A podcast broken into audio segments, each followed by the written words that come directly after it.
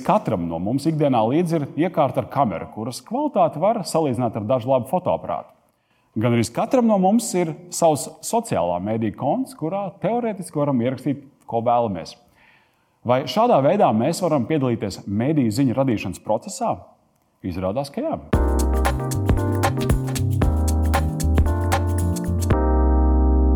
Vai mēdījis Latvijā ir biznesa?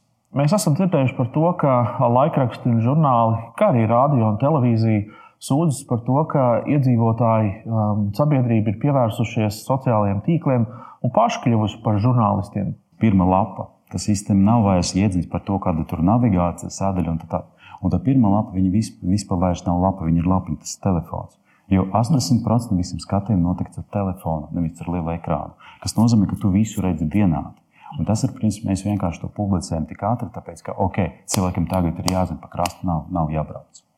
Vai, vai jā, nav jābrauc pa Tallinas šosei vai vēl par ko. Pēc pāris stundām tas visai. Protams, ka tas interesē. Banāniņi cilvēkus interesē vairāk nekā kas mums būs nākamā gada saima. Man ar Konstantīnu Kuzikovu no Delfi bija ļoti interesanti parunāt par tematu, kas ir saistīts tieši ar mēdīju kā biznesu. Taču pirms šīs sarunas aicinu jūs katru piekdienu, 8.00 vakarā, sekot līdzi manam un kolēģi Edgara Eglīša tiešraides šovam 8.00. Es tā saprotu, ka ir izcēlies politisks skandāls. Izrādās, ka mūsu valsts premjerministrs ir dziedājis un mūsu, kā saka, veselības ministrs spēlē klavierus. Un tas ir liels, šausmīgs politisks skandāls. Ārprāts, oh, kā tā ārprāts. Mēs ne tikai nekautrējamies no dažādiem viedokļiem. A, no kurienes vispār? Kāpēc mēs runājam par Lauru Reiniku? Ja tā? Jā, pastāstiet, kāpēc. Pastāst. Nē, nu, jā, Jānis izstāstīs savu versiju. Jā, lūdzu. Kāpēc mēs runājam par Laurēnu? Tāpēc, ka nu, viens no diena pēc vadītājiem, Petersons kungs, bija milzīgs un liels Laurēna fans. Viņš toreiz vēl strādāja Latvijas televīzijā par ekonomikas korespondentu, bet viņš tā vietā, lai teiksim, publicētu kaut kādus nu, ekonomikas apskatus vai pārskatus, viņš reizi nedēļā regularitāti Twitterī ierakstīja, ka viņš ir bijis uz izrādi Kailie Brieži. Un tur atkal ir bijis fantastisks Lauris Rēniks. Domāju, ka tāpēc var būt bet aicinām drosmīgus viedokļu paudējus. Protams, ka ir lietas, kas ir pēc krimināla likuma vienkārši nelegālas, vai ne? Bet vai viņas ļaunas, vai viņas ir labas, nu, tas ir atkal ļoti individuāli no katra morāls. Uh, no katra individuālās morāles. Skaties mūsu Facebook un YouTube tiešraidē piekdienas vakarā 8 un televīzijā TV4 sestdienās 9 vakarā. Bet, ja vēlaties uzzināt, kādas ārzemju zvaigznes ir viesojušās pie mums raidījumā, tad pastāstīšu to pēc sarunas ar Konstantīnu Kozikovu.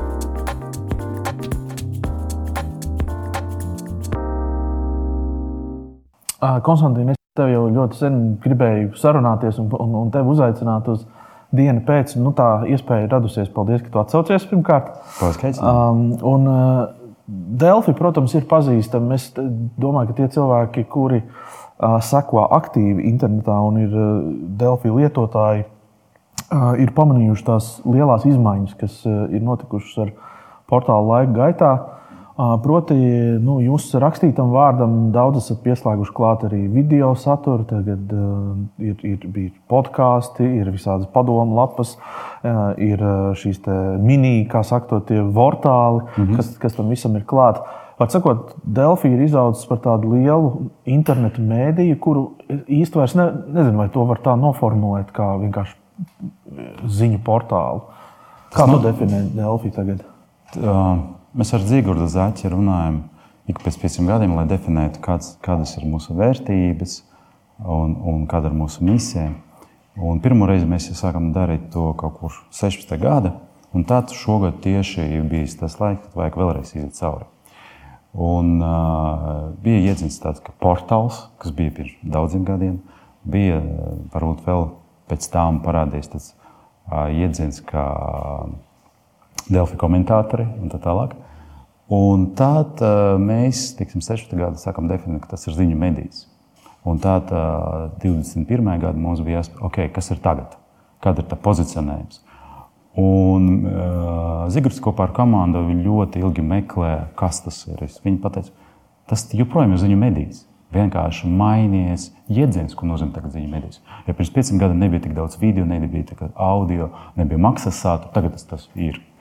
Un, uh, ir būtiska atšķirība starp to, kas bija pirms 20 gadiem, uh, ja mēs salīdzinām tādu klasisku drukātu izdevniecību, un kas ir tagad online.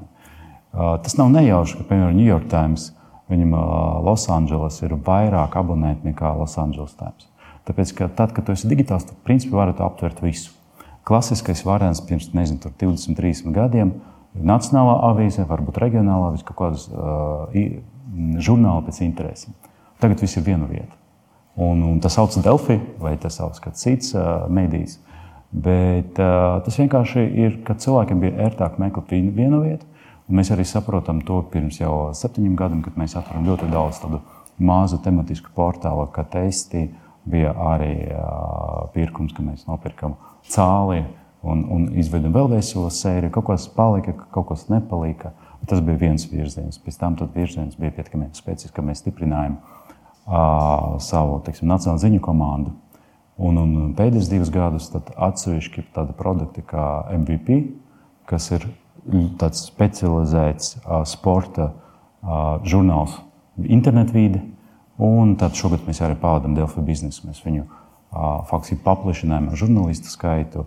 Un, un tas ir kaut kāds jaunais hibrida modelis, kur ir gan maksas satura, gan bezmaksas satura. Tā Tāpēc, tas, ja mēs runājam par to, kas mēs esam, grūti pateikt, ka mēs esam kaut kas viens. Mēs principā paralēli attīstām iedzienu ziņu medijas konkrēti Latvijai. Lietuva un Igaunija tas var būt drusku savādāk, bet palielam tas pats. Bet kopumā runājot, tas ir faktiski saturs visiem un par visu. Bet tas nenozīmē, ka viņš šajā gadījumā ir tāds unificēts. Tas ir ļoti daudz mazu produktu iekšā, un kad cilvēks skrolēt, var pirmā lapa ieraudzīt gan par receptēm, gan par covid, gan visu, par visu. Jā. Tāpēc, ka mēs arī, tad, kad mēs veicam fokus grupu, mēs pamanījām, ja agrāk bija tāds kaut kāds jēdziens, okay, ar ko jūs asociējat, tur Delfi, un tad varēja pateikt komentātori. Un tad tas vispār aizgāja, jau, jau, jau aizgāja. Un tad pārējais pirmais, tas ir pirmā lapa. Un, un šajā gadījumā cilvēkiem pat nav interesanti, kur viņi to skatīs, kur viņi to lasa. Un varbūt arī tu ļoti bieži dzirdi, kur to, zini, kur to uzzina. Internetā. Internetā. Jā, un pirms 20 gadiem, tad, kad uh, Delfi bija. Un tad, kad viņu pārdeva mikrolinku kopā ar uh, internetu, tad pirmā lapa, ko tu ielādēji, tad okay, man bija tādas asociācijas. Tagad faktiski mēs, ja mēs runājam par ziņām, tad mēs joprojām tās, kas, kā, jā, tu gribi uzzināt, kas notiek. Mēs ļoti labi jūtām tajā brīdī, kad ir kaut kāda krīze vai kaut kādas tādas nācijas slāvas moments vai nācijas kaut kāds sarežģīts moments, un tā tālāk mēs momentāli redzam, kā, kā, kā dienas laika izauga. Es tam citu, ko tu runāji, es uzreiz atcerējos, kā es ar to 33 kilobitu sekundē to modēmu ieslēdzu, no, nolādēju, to, tu ielādēji to lapu. Un, un tad apturēji, lai, lai varētu izlasīt to Delfiju. Jā, jā. Tad, tad tādi laiki bija. Un pirms astoņiem gadiem, piemēram, tad, kad mēs palaidām savu speciālu multimediju stāstu, Viņš bija, tas bija veltīts Zeltas traģēdijai. Mums bija vesela tehniska problēma, lai GIF bildes vieta būtu GIF. Kāpēc? Tāpēc, ka tajā laikā 8% no visiem datoriem bija vajāki nekā kalkulators man tagad uz galda. Jā. Bet um, par ziņām runājot, jūs teicāt, tas ir ziņu mēdījis joprojām. Jā, um, tas ir pamats, tas ir kodols. Vai tu varētu teikt, ka ziņa kā, kā definīcija ir paplašinājusies šodien? Jo skaidrs, ka ne viss, kas ir Delfī pirmajā lapā, ir ziņa. Tur ļoti daudz ir, nu, kā jau pats teici, visādas receptes un mhm. padomi, un vēl kaut kas tāds kā nav ziņa. Uh, ja mēs skatām, skatāmies skaitliski, tomēr lielākā daļa tāpat tas ir ziņas. Un vēl viena lieta, kā mēs jau to visu izvietojam, kā tas mūsu galvenais, tad, tad tur 15 vai 10 krievu versija, tas tomēr būs par 99% ziņas. Un vēl viena būtiskāka lieta, ja mēs tagad sadalām to kā ātras ziņas, kas tagad, nu, vakardien, šonakt notika saima vai, vai, vai vēl kaut kur citur. Tad tā, to 15. nākamā diena, pēc kādas nu, varētu parādīties to ziņu interpretācija, ko tas nozīmē. Dažreiz tas ir kā versija, dažreiz tas ir kaut kāda analītika, dažreiz tas ir maksas, dažreiz bezmaksas. Bet, jebkurā gadījumā, tas ir ne tikai jārunā par ziņām, kas notika, bet jā, jādod jautājumu, kāpēc. Un vēl visbūtiskākais jautājums, kāda tā dzīve mainīs no visas šīs informācijas. Mm. Tā ir visbūtiskākā lieta. Uh, visam tam, kam tu esi izgājis cauri uh, ar šiem mazajiem nišas uh, portāliņiem, pievienojot viņus klāt. Um, ko tu vari ar šodienas acīm pateikt? Ir jēga Latvijā nišas mēdījiem, vai tomēr nu, tas nav nekāds ne biznesa, ne arī nu, jūsu skatījumā? Mm -hmm. Uh, Noteikti kā ir, jo uh, arī mūsu piemērs pierādīja to, ka tas varētu būt rentabls bizness. Un, un, uh, mēs viņu saucam par lifestyle, dzīves stila redakciju. Un tad dzīves stila redakcija īstenībā divas lietas, kas notika. Ja sākumā tas bija tas, ka nišas produkts. Un, piemēram, tad, kad mēs atvēram tādu māju un pēc tam tāds dārsts, mēs saprotam, ka tajā laikā Latvija nebija neviena normāla internetu mēdīju par šo tēmu. Bija tādi, kas bija uzbūvēti pirmo reizi 2001. gada ar visu to dizainu, ar visu to struktūru, un kuru vēl labākā gadījumā raksts būtu vienu reizi, divas reizes mēnesī. Un tad mēs to atveram, mēs, mēs ieraudzījām, ka jā, ir interese, un interese izauga par šo tēmu, jo cilvēkiem nebija jāiet kaut kur citur. Bet otra lieta, ko mēs pamanījām tagad, ka īstenībā ļoti daudz arī šis saturs un šī redakcija strādā priekš mūsu maksas satura kuru mēs ne tikai mēģinām atspoguļot, bet mēs mēģinām šajā gadījumā arī pacelt pietiekami nopietnas tēmas. Un nu, viena no tām tēmām, piemēram, bija tas, ka mēs veicam augusta, vispār, vispār to darām vairāku mēnešu pēc kārtas, ka tāds no analītisko rakstu sēriju par to, kas notika bērnu dārzos. Jo no vienas puses mums ir kompetenci izglītība, bet no otras puses mums ir rindas, mums, mēs mēģinām saprast. Un izjūtas, ka nav, Latvija nav tik slikti dažos, dažos momentos kā Igaunija un Lietuva, bet dažos momentos ir ļoti slikti. Tāpēc tas varbūt sākas pirms daudziem gadiem ar vienu ideju, bet tas viss transformējas, transformējas un faktiski tur viena trešdaļa no visa mūsu maksā ir saistīta ar to dzīves stilu redakciju. Un uh, noteikti, ka nišas produktam ir nākotne. Un, un mēs arī šeit varam ieraudzīt, ka ne tikai, piemēram, ja mēs runājam par, par Delfu, mēs varam pieminēt kursors, mēs varam pieminēt bilanci vai IF finansēs, un, un vēl mēs varam pieminēt vairākus tādus produktus. Viņam savu auditoriju, un viņi arī uh, mēģina sevi monetizēt, un dažiem ļoti veiksmīgi tas izdodas. Mm -hmm. Um, tagad Latvijā mēs arī tagad, mūsu pirmā viesiņa bija um, diena pēc mēdīja, bija podkāstu autora Laura Grēviņa. Mēs uh, runājam par to, ka, nu, ka podkāsts Latvijā ir tāda augšupējoša līkni, ka cilvēku skaits, kas klausās Spotify un, un, un, un, un tā palielinās. Delfī nekad īsti statistika laikam podkāstu autoriem nav devuši, bet, bet kādi ir tie jūsu iekšējie novērojumi? Latvijā, Latvijā klausās podkāstus, tas raid, raidnīcas vai ne? Mm -hmm. Tas ir labs jautājums, jo atšķirībā no pašas Igaunijas nav oficiāla datu. Jo Igaunija zina, ka viņi pēta, viena no aģentūrām saka par visu Igauniju kopumā, kā ir. Latvijā, mēs runājam, tad mēs noteikti nevaram dabūt ne Spotify datus, ne Apple, ne Google datus. Netik sen, nu, pirms trim vai četriem gadiem, es precīzi jau neatceros. Mēs palaidām tādu podkāstu.cl platformu, kas kļuva par tādu veidu agregātoru, un, un par to platformu bija daudz lielākas cerības. Bet uh, viņam nu, noteikti sevi neattaisnoja. Un tā platforma vēl eksistē, bet tieši tagad mēs gatavojamies viņu nu, kardināli mainīt. Ar ko tas ir saistīts? Nevaru atbildēt. Jo tad, kad mēs runājam ar Lietuvas un Igaunijas kolēģiem, tad interesanti, ka Igaunija vienkārši viss ir traki par podkāstu.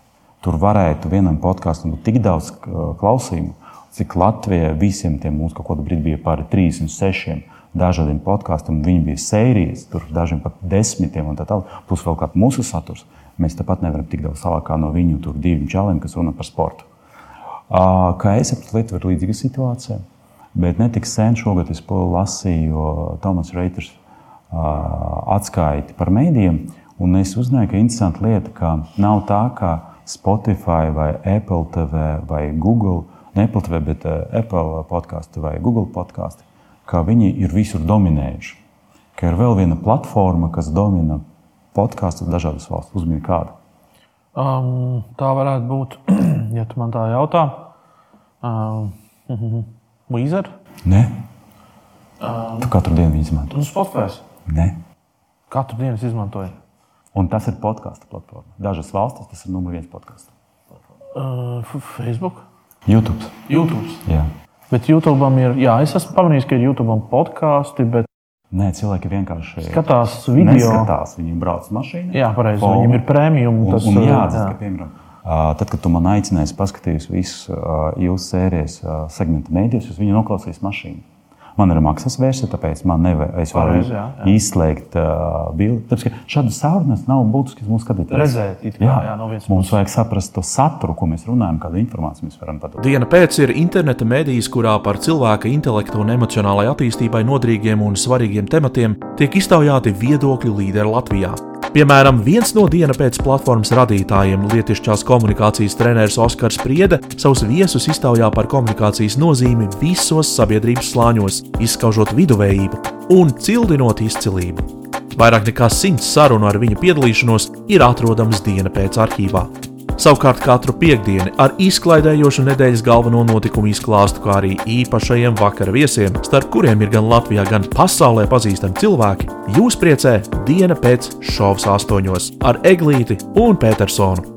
Vairāk nekā 150 dažādu sarunu ir pieejamas platformā Diena pēc. Meklē mūsu YouTube, Facebook un LMT vietā televīzijā. Savukārt, ja ērtāks ir audio formāts, klausies mūsu Spotify, Apple podkāsts, kā arī Delphi un citās populārākajās raidierakstu platformās. Viens no populārākajiem raidījumiem Latvijas radio ir Krustpunktā. Īpaši tā sadaļa, kur uz studiju zvana iedzīvotāji un var izteikt savu viedokli. Līdz ar to pastāv uzskats, ka iedzīvotāju un sabiedrības iesaiste mediju saturā ir ļoti, ļoti nozīmīga. Konstantīns Kuzikovs no Delfī gan uzskata, ka tā nav. Kāds ir viņa arguments? Raidījuma turpinājumā.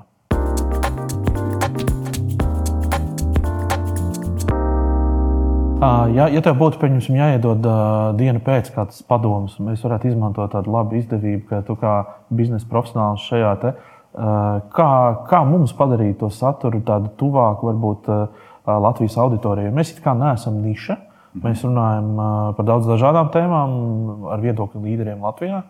Um, mēs, protams, gribam aizsniegt savu auditoriju. Ko tu ieteiktu? Kā, kā mums pozicionēties vai kā, kā, kā virzīt? Tu zini, viena no būtiskām lietām, ka tā pirmā problēma ir tā, ka man bija ļoti interesanti uzzināt to, ko jūs jau ierakstījāt par manu sfēru, bet es nekad par jums neko nedzirdēju. Es Jā. esmu ārpus jūsu burbuļa, jūs esat ārpus mana burbuļa un tā tālāk. Tāpēc tā pirmā globāla problēma ir tā, ka jums kaut kāda veida vajag, ok, es tagad par jums uzzināju. Caurdurdu burbuļus. Nu, tad, nu, vismaz kaut kāda veida, es, kā, te, kā es varu uzzināt par to, ka būs nākamā intervija. Jo labi, paskatīšu šo.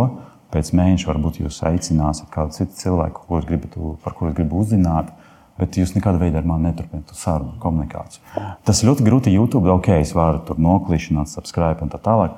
Bet arī tas pat es neicu, lai jūsu intervija būtu. Arī.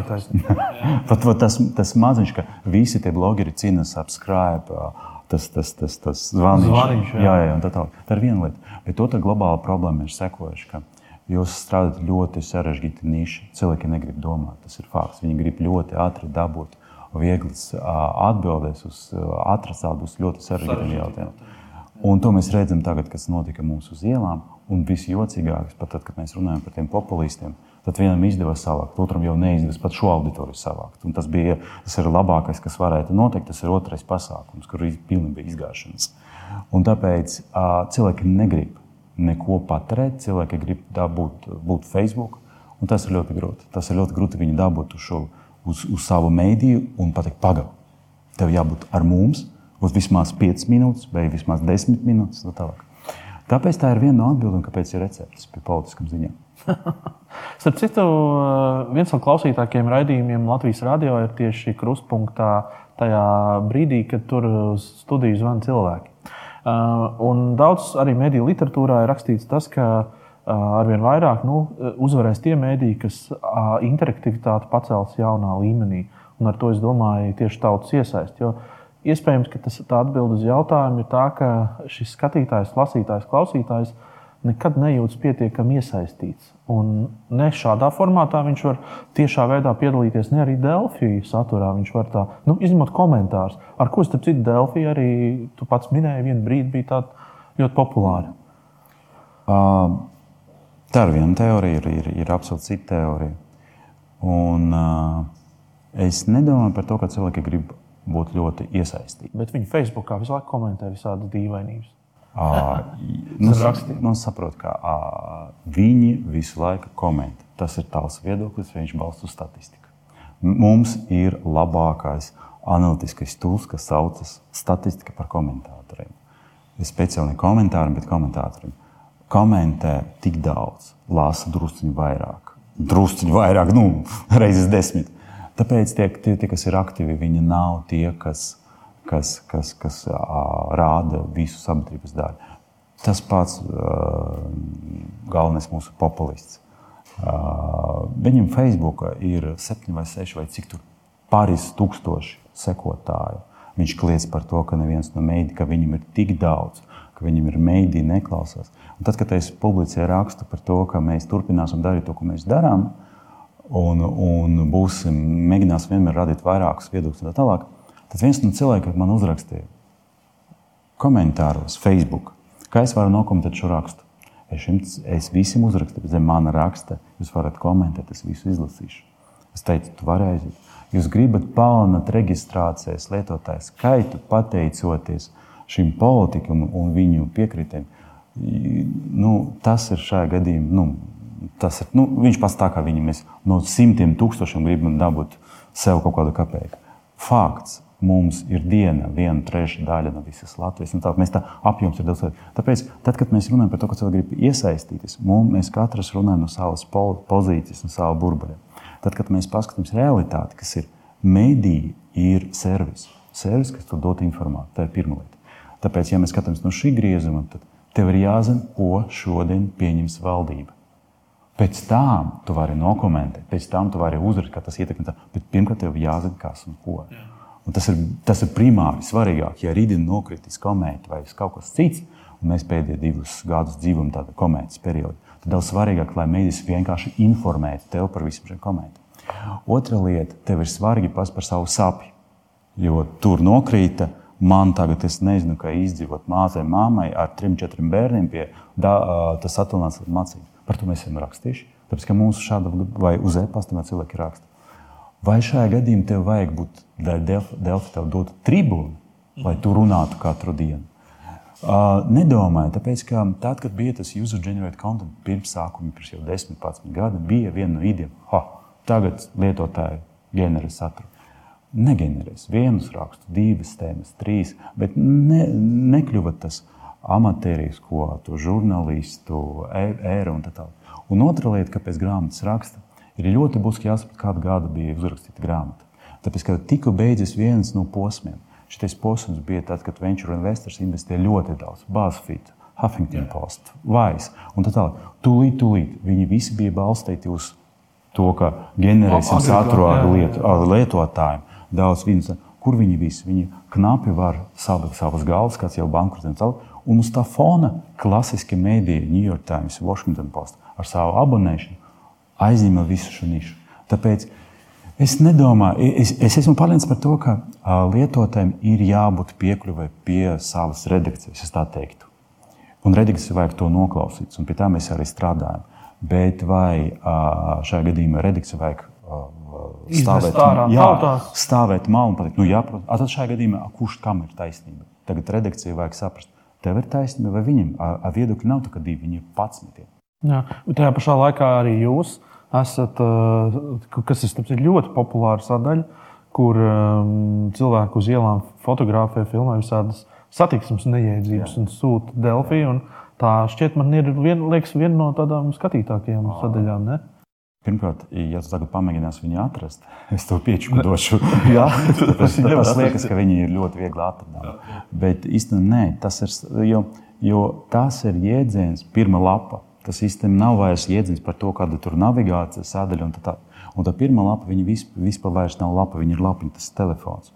Jo 80% no visiem skatiem notiek ar telefonu, nevis ar lielu ekrānu. Tas nozīmē, ka tu visu redzi vienādi. Un tas ir principā mēs vienkārši to publicējam tik ātri, tāpēc ka okay, cilvēkiem tagad ir jāzina, pa krastu nav, nav jābrauc. Vai, vai jā, nav jābrauc pa tālruņa šosei vai vēl par kaut ko. Pēc pāris stundām tas visai, protams, ka tas interesē banāniņu cilvēkus interesē vairāk nekā kas mums būs nākamā gada saima. Un mēs par to tagad ieraudzījām. Jā, tas ir ļoti interesanti. Šis par šo varētu vēl runāt, bet es gribu jau pāriet nākamajā līmenī, varbūt parunāt jau tā mazliet globālāk par mēdījiem. Skaidrs, ka viena no tādām lietām, ir, kas ceļ mēdīju popularitāti, ir arī sejas. Un, un, un es arī, nu, protams, pamanīju to, ka mani daudz bijušie kolēģi žurnālistikā šobrīd strādā, strādā, strādā Delfī redakcijā. Un kā tas vispār ir? Jūs šobrīd esat kā, kādreiz, ja tie bija varbūt tādi cilvēki, kurus neviens neredzēja, kurš strādāja aizkadrā, tad tagad patiesībā katram pat tādam portālam, sevis cienošam ziņu mēdījiem ir šīs redzamās sejas. Kā jūs, nu kā, tie, kā, tas kaut kādā no vienas puses dīvaini. Mēs ejam it kā to tehnoloģijas ceļu, kur tie cilvēki ir mazāk un roboti vairāk. Bet eh, atkal kaut kā tomēr tās sejas ir būtiskas un svarīgas. Pat varu pateikt, ka jau pirmais robots Delfa redakcijā strādā. un, un tagad strādās arī otrais. Um, es domāju, ka tā bija globāla problēma maza Latvija. Un mēs šajā gadījumā varam pateikt par to, ka mēs šo cīņu zaudējam. Un, un, un, uh, tā cīņa bija par žurnālistiku, kā par amatu. Jo 8. gads, interesanti pirkumi, un, un uzticēšanās, lasītāja uzticēšana krīze vismaz divām no trim avīzēm. Rezultāts ir tāds, ka cilvēki negribēja nākt un teikt, es esmu žurnālists, man šeit ir jāpavada nakti, lai atrastu kaut kādu sliktu lietu, publicēt to, skriet un tā tālāk. Rezultāti ļoti labi cilvēki aizgāja no, no, no, no redakcijām. Un, un paralēli notika Delfa, paralēli notika TVNēts un paralēli notika Apollo un tādi maziņi agregātori, kuriem nav savs cilvēku un tā tālāk, viņi aizņem šīs vietas. Tas nenotika Igaunijā, tāpēc ka Igaunija postamēs un postamēs EE. Tas nenotika gadījumā ar Delfu, tāpēc ka Express grupa nopirka Delfi. Un faktiski tas, tas kvalitīvas žurnālistiskas sejas vienkārši no drukātas formas pārējā uz online formu. Tāpēc gan uzticēšanās mēdījiem daudz lielāka, gan arī šie cilvēki, nebaidās stāstīt par to, ka viņi ir žurnālisti. Ja mēs runājam, tad mums faktiski kaut kur desmit gadi pazaudēti. Un tikai pēdējos divus, trīs gados arī mūsu redakcija mums bija jācīnās par to, ka cilvēkam nav jāslēpjas ar to, ka tas ir Delfa.CLV autors. Un daudzi, daudzi jau raksta. Un, un faktiski pat man liekas, ka tas vairs, vairs nav nekāda problēma. Jo, jo kas arī ir interesanti, droši vien atšķirībā no citiem mēdījiem, kur faktiski ir tie formāti ir daudz konservatīvāki, tu vari īstenībā katru dienu pieņemt lēmumu par, par formātu pamainīšanu, eksperimentēšanu. Absolūti, absolūti. Bet arī īstenībā arī konservatīvas mēdīs tas ir iespējams. Cita lieta, ka šeit šajā gadījumā nav konservatīvs vai, vai jauns, jau, vai ziņu mēdīs vai izklaides. Jo izklaides mēdīs, tad tu seko šai seriālu, skaties un viņu tā. Tev ilgtermiņā var patikt vai nepatikt. Bet, ja tas ir ziņa, šodien ir nekās, bet rītdien tev visi auditorija, tad rīt pārīt atkal ir nekās. Tāpēc tā, tas sajūta ir daudz, daudz, daudz interesantāk. Konstantīna, liels paldies, ka atradi laiku viesoties dienu pēc mēdīs studijā. Paldies, ka aicinājāt!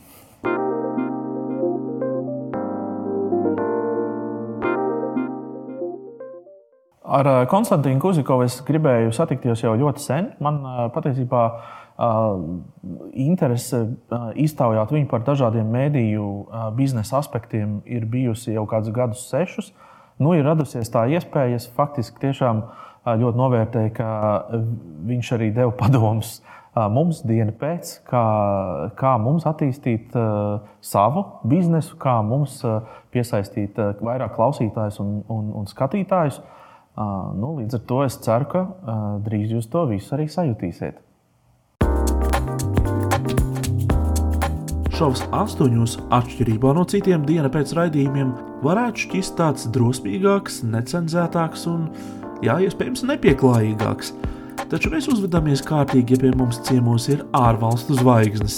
Šīs sezonas lielākais pārsteigums daudziem noteikti bija pasaules mārketinga guru Gaiskava Saki. Elon Musk is the closest thing that we have to Steve Jobs today.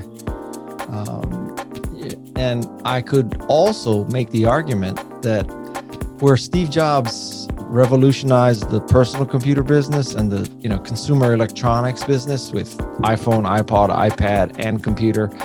Uh, Elon Musk has a diverse portfolio, so he can change space exploration, boring tunnels under cities, uh, solar panels, electric cars, and these are you know it's it's it's a close relationship between an iPhone and a Macintosh, but boring a tunnel and flying to Mars and solar panels and electric cars they're so diverse that if he's successful at all of those he may have more impact than Steve Jobs. Tiem, kuri ir uz to ar grafikas dizaina pasauli, noteikti nav svešs polas šērs vārds. Viņai veltīta pat vesela Netflix seriāla sērija. My family was Lithuanian. So, so to become to, to go to that part of the world actually mattered to me, um, even though I didn't go to Lithuania. And I was surprised with how much it was like northern Germany, like the Baltic area, and the architecture, the houses that which had these gambrel roofs. I own a house. Yeah, I don't anymore because we we moved to a house I designed recently, but I owned a house for 30 years that looked like a house that would be in Latvia. Un kur gan bez mūsu laba drauga, zviedru producenta, autora, mūziķa, filozofa un futūrista Aleksandra Bārda. Viņa netokrātijas teorijai dedzīgi pievienojas arī Eglīts un Petersons. Cancel culture is what fat and ugly and bitter people do when they hate that skinny, good looking, talented people get the stage. So Okay. when they see somebody who's talented on a stage and actually has something meaningful to say, they will say, that, But what about me? Like Meghan Markle. Like it's just like, what about me? I want the attention. Well, you're not talented, you're terribly mediocre, you've never worked hard on anything, you have nothing meaningful to say except putting your own fat ego forward. Šo astoņos skaties dzīvajā piekdienas vakarā, sociālajos tīklos, bet sestdienas vakarā ierakstā TV4.